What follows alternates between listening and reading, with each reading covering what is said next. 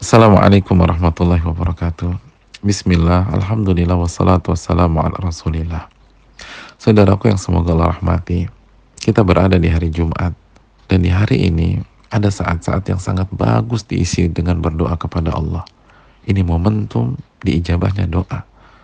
Waktu yang sangat baik untuk mendoakan diri kita, keluarga, dan bangsa kita agar dijauhkan dari mara bahaya dan diselamatkan oleh Allah Subhanahu wa taala.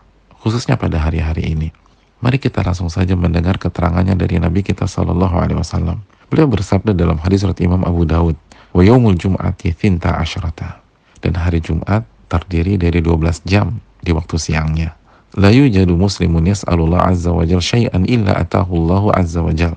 Dan tidaklah seorang muslim meminta sesuatu kepada Allah Subhanahu wa taala di antara jam-jam tersebut di hari Jumat kecuali Allah akan berikan permintaan-permintaannya tersebut. Faltamisuha akhir sa'atin ba'dal asar. Maka carilah waktu tersebut dan berdoalah di akhir waktu setelah masuknya waktu asar. Nabi secara gamblang mengatakan carilah waktu dan momentum tersebut dan perbanyak doalah di akhir waktu setelah masuk waktu asar sampai terbenamnya matahari. Abu Salamah bin Abdurrahman menceritakan bahwa ada sekelompok sahabat Nabi SAW yang berkumpul dan bertemu lalu membicarakan tentang waktu prime time berdoa ini di hari Jumat. Lalu setelah mereka sepakat, mereka berpisah.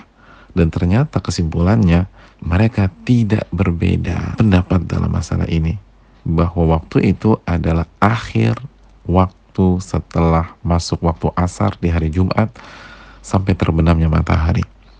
Oleh karena itu tidak heran para ulama klasik kita benar-benar berusaha memaksimalkan akhir waktu di hari Jumat tersebut. Sebut saja nama besar seperti Al-Imam Taus rahimahullah. Beliau setelah salat asar di hari Jumat istakbalal kiblah langsung menghadap kiblat walam yukallim ahadan dan beliau tidak bicara kepada siapa pun juga. Hatta tagruba syamsu. Beliau berdoa berdoa dan berdoa sampai terbenamnya matahari. Begitu juga yang dilakukan oleh al-imam Sa'id bin Jubair. Ulama kita yang satu ini idza sholal asar min yaumil jum'ah jika beliau sholat asar di hari Jumat lam yukallim ahadan. Beliau tidak berbicara dengan siapa pun juga jadi setelah sholat asar beliau tidak bicara dengan siapa pun juga. Hatta tagruba syamsu. Sampai terbenamnya matahari. Beliau berdoa, berdoa, dan terus berdoa. Bahkan sejarah mencatat ada seseorang yang kehilangan penglihatannya. Lalu sahabatnya mendoakan orang ini di akhir waktu hari Jumat. Lalu meminta kepada Allah agar penglihatannya dikembalikan. Maka apa yang terjadi? Allah kembalikan penglihatannya dan ia kembali bisa melihat. Kisah ini diriwayatkan oleh Al-Imam Ibnu Abi Dunya dan Al-Imam Ibnu Asakir. Oleh karena itu, saudara-saudaraku yang Allah muliakan, di hari Jumat ini marilah kita memaksimalkan waktu sore sampai menjelang maghrib nanti.